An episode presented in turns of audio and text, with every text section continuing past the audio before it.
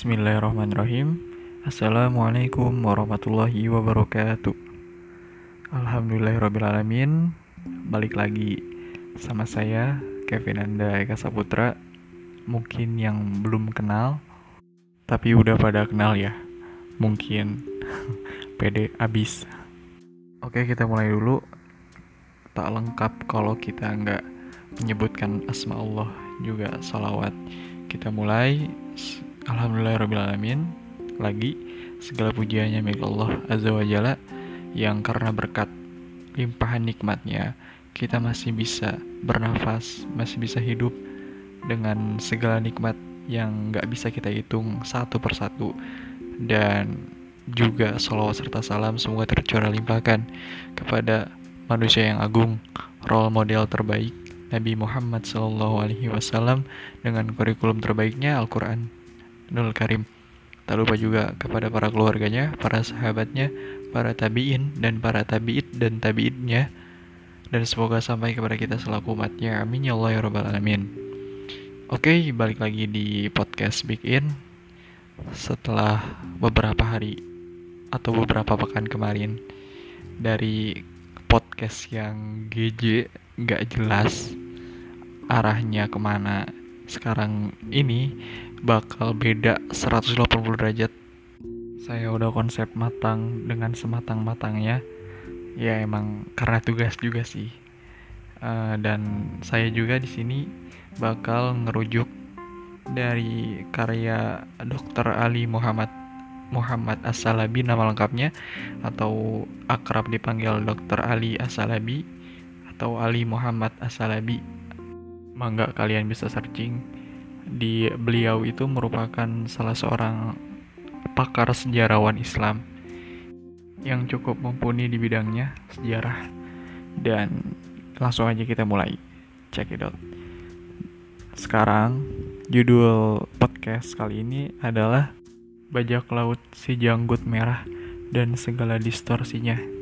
Dari judulnya aja bajak laut.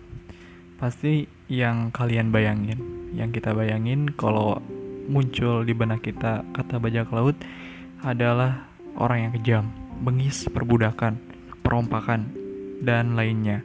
Atau bahkan mungkin malah anime One Piece yang dari Jepang itu. Kenapa saya tahu? Dulu saya juga pernah nonton. Sekarang juga nggak tahu. Sekarang udah nggak memfollow up lagi tentang dunia per One Piecean Selanjutnya mungkin kita bisa ngebayangin Oh ya, dalam One Piece itu ada satu tokoh nih yang namanya Blackbird, bajak laut Blackbird atau si janggut hitam. Yang dalam One Piece, tokoh itu bernama Marshall Detich. Salah satu pengguna nama D juga, tapi nggak tahu kenapa ada pengguna nama D yang jahat. Kan rata-rata baik ya, kayak Monkey D. Luffy, Monkey D. Garp, Monkey D. Dragon. Lah itulah pokoknya. Terus nama Blackbird di dunia aslinya nih ternyata ada dan namanya itu adalah Edward Teach yang merupakan pelopor bajak laut seangkatan dengan Henry Morgan. Jadi itu kurang lebih di abad ke-15, abad ke-16. Oke, yang lain lagi mungkin di benak kita muncul. Kalau dengar kata bajak laut adalah film Pirate Pirates the Caribbean Pirates of Caribbean yang diperankan sangat keren dan mantap pokoknya oleh Johnny Depp dan kawan-kawannya. Saya cuma kenal Johnny Deppnya aja ya. Dan itu pun nggak kenal kan? Kalau kenal itu saya tahu dia dia tahu saya. Sedangkan dia juga nggak tahu saya. Tapi itu nggak perlu sih. Saya juga nggak terlalu mentingin. Oke balik lagi. Selain itu juga kalau kita dengar kata redbird eh redbird bajak laut mungkin dalam pikiran kita muncul Davy Jones salah satu karakter dari SpongeBob SquarePants yang kalau ada apa-apa misalnya kalau ada bencana terburuk yang sedang menimpa SpongeBob Patrick Mr. Crab dan lain-lainnya dia bakal bilang demi locker Davy atau apa pun itu. Kar kenapa? Karena apa? Disebut kayak gitu karena Davy Jones itu dalam cerita dalam legenda legenda dalam mitos itu ini berarti nggak tahu bener atau enggaknya ya. Jadi Davy Jones itu seseorang bajak laut yang dikutuk nggak tahu dikutuk sama siapa dan dikutuk buat jadi bajak laut yang gentayangan. Untuk menakut-nakuti bajak laut lainnya yang masih hidup. Dan kalau di Pirates of Caribbean itu Davy Jones itu digambarkan orang yang mukanya itu dipenuhi oleh tentakel-tentakel gitu kan? Gurita tentakel gurita itu. Ih. Oke kita langsung saja setelah prolog tadi. Sekarang kita bahas tentang Redbird atau si janggut merah mungkin dari kalian udah pernah dengar atau mungkin tahu ya artinya Redbird janggut merah dan siapakah dia dia adalah Khairuddin Barbarossa sang panglima angkatan laut Islam Turki Utsmani nantinya. Dari mana? Kita mulai dari awal.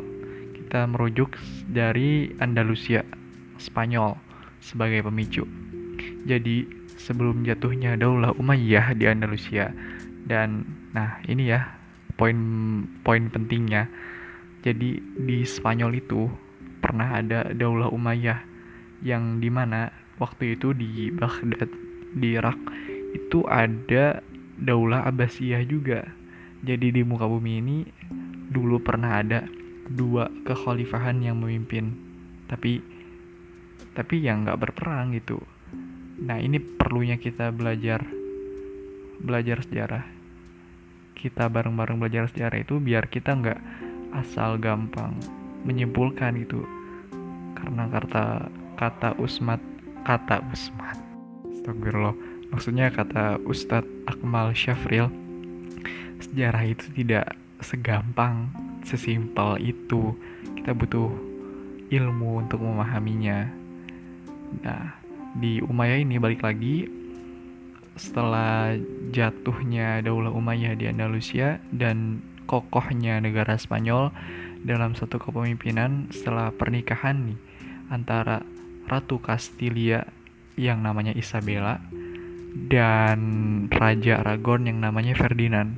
Nah, jadi dua orang itu adalah dua orang yang sangat berpengaruh di Spanyol karena dulu Spanyol itu dalam kerajaan Kristennya itu terdiri dari beberapa kekerajaan kerajaan yang kecil dan dominannya itu ya dua orang itu tadi dan dua orang itu malah menikah ya do dominasinya makin banyak nah setelah itu maka kerajaan-kerajaan Spanyol pun bersatu, bergerak untuk menumpas eksistensi umat Islam yang masih tersisa di Spanyol.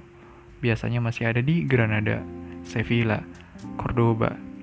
Nah, nah kan kalau orang Kristen ngusir kaum muslimin di Andalusia itu bukan bukan sekedar ngusir biasa kita kayak eh kayak kita misalnya ngusir adik kita dari rumah eh keluar udah keluar aja sana. Nggak gitu doang gitu. Dulu kaum Kristen salibis ngusir kaum muslimin di Indonesia itu kar uh, orang-orang Kristen itu memperlakukan manusia kaum muslimin khususnya di Indonesia itu nggak sewajarnya itu. Keras banget itu. Padahal pada masa Umayyah dinasti Umayyah di Indonesia berkuasa itu kaum Kristen ya di ya sama-sama aman sejahtera. Jadi poin pentingnya di sini juga insightnya juga bahwa ketika umat Islam yang memimpin maka tidak ada kejahatan maka tidak ada kesenjangan kedamaian antara satu dengan yang lainnya namun ketika orang-orang yang bukan Islam yang memimpin maka khususnya umat Islam yang tertindas Nah, dari sana mereka berupaya memaksa bayangin ya, mengkristenkan muslimin. Jadi uh, waktu itu di Daulah Umayyah yang sudah runtuh, jadi sisa-sisa kaum muslimnya itu punya pilihan untuk stay di Andalusia, tapi dia harus mengkonversikan agama mereka, mengkonversikan keyakinan mereka dalam Kristen. Dipaksa nih, garis bawah ini dipaksa. Kalau enggak diusir, diusirnya juga bukan diusir biasa aja ya, diusir secara tidak berkeperimanusiaan. Maka kaum muslimin Morisco. Morisco itu adalah sisa-sisa kaum muslimin yang masih bertahan di Indonesia. Disebutnya Morisco uh, sudah sewajarnya kan ya minta kepada bantuan kepada raja-raja Islam yang masih memimpin dunia dengan baik seperti Daulah Utsmaniyah, Raja Hafs, juga ada Syiah, kaum Syiah Rafidah, Syiah Fatimiyah, dan masih banyaklah dominan Islam untuk Islam yang memimpin dunia kala itu. Maka nih kaum Morisco ini meminta bantuan kepada mereka-mereka. Dan sa salah satu suratnya itu sampai kepada Daulah Utsmaniyah yang saat itu dipimpin oleh Sultan Bayazid II. Kalau Sultan Bayazid I itu yang kita kenal nanti kalau kalian bisa searching Sultan Bayazid I ada sebutan yang menyebutkan dia itu namanya Yildirim Bayazid tulisannya Y I I nya tanpa titik L D I R I M Bayazid yang artinya adalah Bayazid sang kilat karena kecepatannya karena kelugasannya dalam memerintah dan sebagainya. Nah, sekarang yang saat ini sedang kita bicarakan adalah Sultan Bayazid II yang merupakan putranya Muhammad Al-Fatih yang pada saat itu juga Sultan Bayazid II juga termasuk dari Sultan Sultan kuat yang dimasukkan dalam bukunya Dr. Ali Muhammad As-Salabi. Oke, balik lagi. Akhirnya surat permintaan bantuan itu udah datang ke Daulah Utsmaniyah, maka Turki Utsmani dengan sekuat tenaga nih menyelamatkan sisa-sisa kaum muslimin di Andalusia yang ya paling enggak seenggaknya nyeberangin nih Andalusia ke Afrika Utara.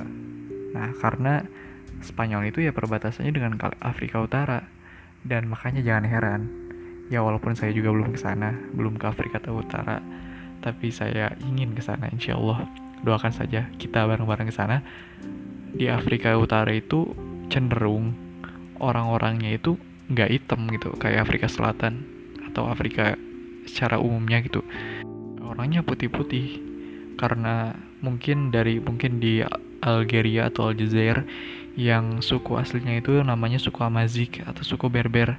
Dan jangan bayangin suku Berber itu suku barbar yang nggak punya peradaban yang nggak beradab yang nggak pinter. Bahkan Torik bin Ziyad nih yang dulu yang dulu menaklukkan Andalusia juga ya orang Berber juga.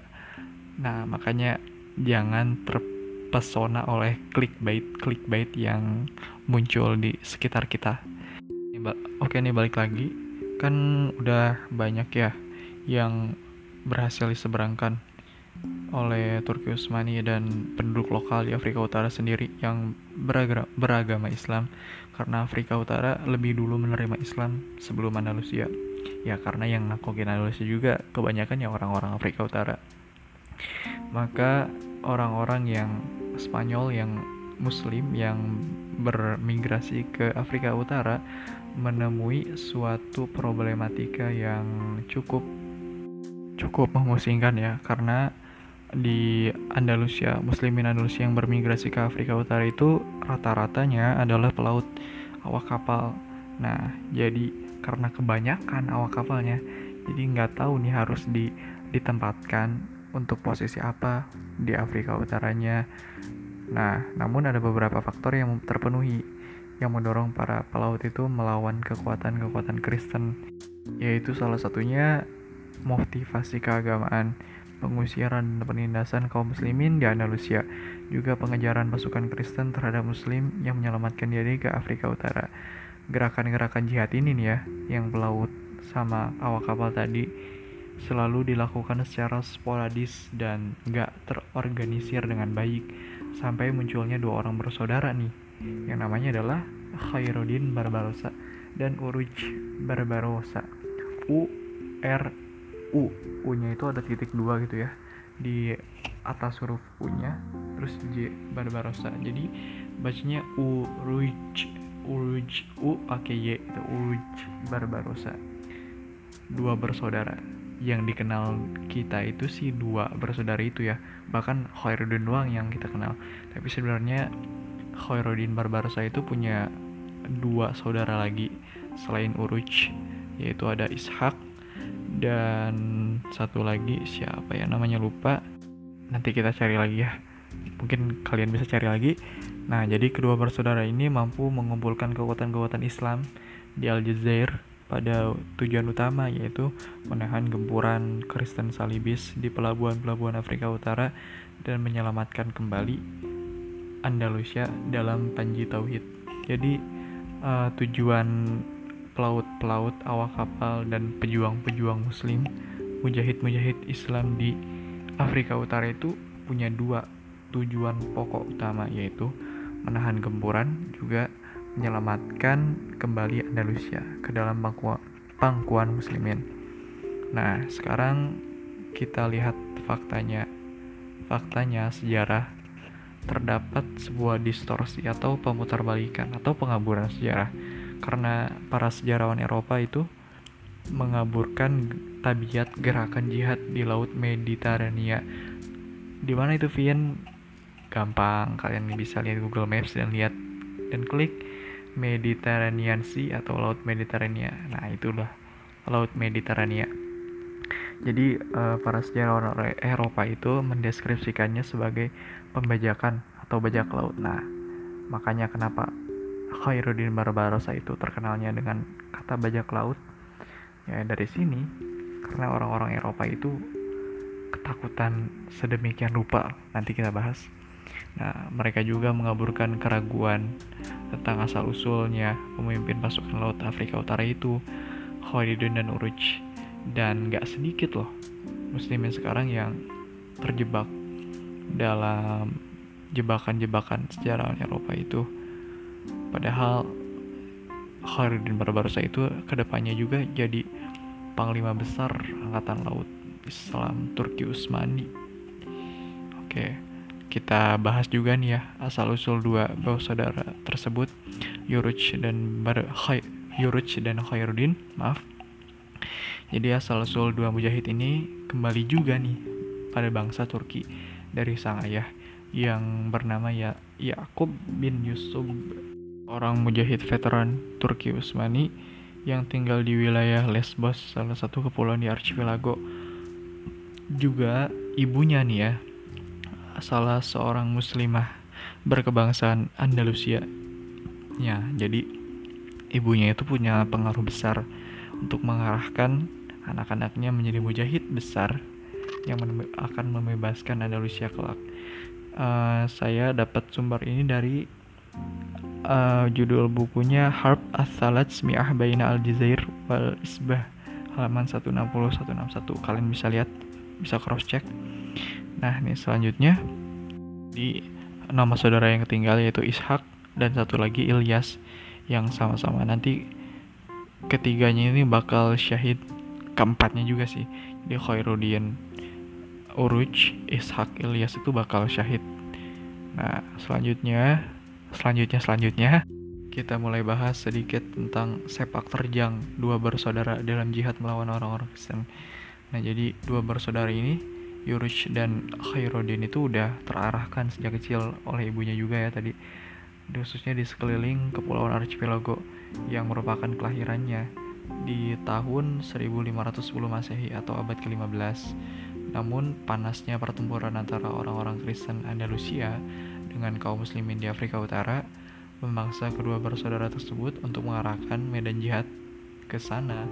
Jadi medan jihadnya itu bakal pindah nggak di kepulauan archipelago, archipelago lagi tapi lebih luasnya ke Andalusia ke Spanyol di awal abad ke-16 kemenangan demi kemenangan kedua bersaudara itu membangkitkan kekuatan-kekuatan Islam yang lemah di berbagai wilayah di Afrika Utara dan pengaruh mereka memungkinkan mereka untuk memerintah di sana atas dasar permintaan penduduk. Nah, nih jadi karena Khairuddin dan Yuruch itu kebanyakan menang istilahnya. Jadi uh, para penduduk Aljazair itu meminta keduanya itu untuk memimpin mereka untuk jadi jadi pemimpin mereka jadi gubernur lah istilahnya atau mungkin presiden dari Aljazair nah gitu. Oke lanjut. Nah kita bakal bahas kenapa eh kenapa uh, momen di mana terbunuhnya Mujahid Agung Yuruj Barbarossa nah peran kedua Mujahid itu nampak ketika keinginan kuat yang sangat kuat untuk membebaskan Bejaya Bejaya itu adalah pelabuhan Aljazair dari cengkeraman Spanyol di tahun 1512 Masehi.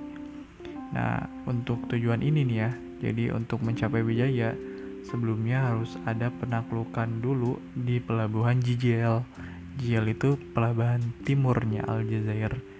Nah, namun pada saat itu kita tahu bahwa Aljazair kita baru tahu juga bahwa Aljazair itu masih walaupun Khairuddin Barbarossa dan Yuruj Barbarossa itu sering mendapatkan kemenangan, tapi kemenangan-kemenangan itu belum termasuk dari pertempur belum termasuk dari pertempuran-pertempuran laut yang terbuka gitu, pertempuran reguler. Jadi masih metode hit and run yang terkenal waktu itu. Hit and run, serang dan lari, serang dan lari. Dan kalau pertempuran terbuka itu ya kelasnya ya udah kelas berat karena yang dilawan Khairuddin itu ya Spanyol, Portugal, aliansi yang sangat kuat dan Khairuddin Barbarossa juga terpaksa demi terpak terpaksa di sini ya karena untuk mendapat dukungan penuh dari pemerintah Aljazair sudah dapat musuh yang berat ditambah lagi Yuruj Barbarossa saudaranya itu syahid. Nah, kondisi ini memungkinkan atau memaksa Khairuddin untuk mencari, mencari sekutu baru pengganti Yuruj Barbarossa dan Daulah Utsmaniyah adalah pihak yang sangat memungkinkan untuk bersekutu dengan Khairuddin. Karena bisa dibilang Daulah Utsmaniyah itu punya dominasi yang cukup kuat di Eropa setelah jatuhnya Konstantinopel dalam pangkuan Islam yang langsung dikonversi namanya juga jadi Islambul yang artinya penuh dengan Islam atau sekarang pada dan katanya menjadi Istanbul yang saya pengen banget ke sana. Dan pada waktu itu Sultan Turki Utsmani sedang dipimpin oleh Sultan Salim I yang nampaknya memberikan persetujuan persekutuan dengan Khairuddin Barbarossa. Dan kita bakal lanjut di episode selanjutnya.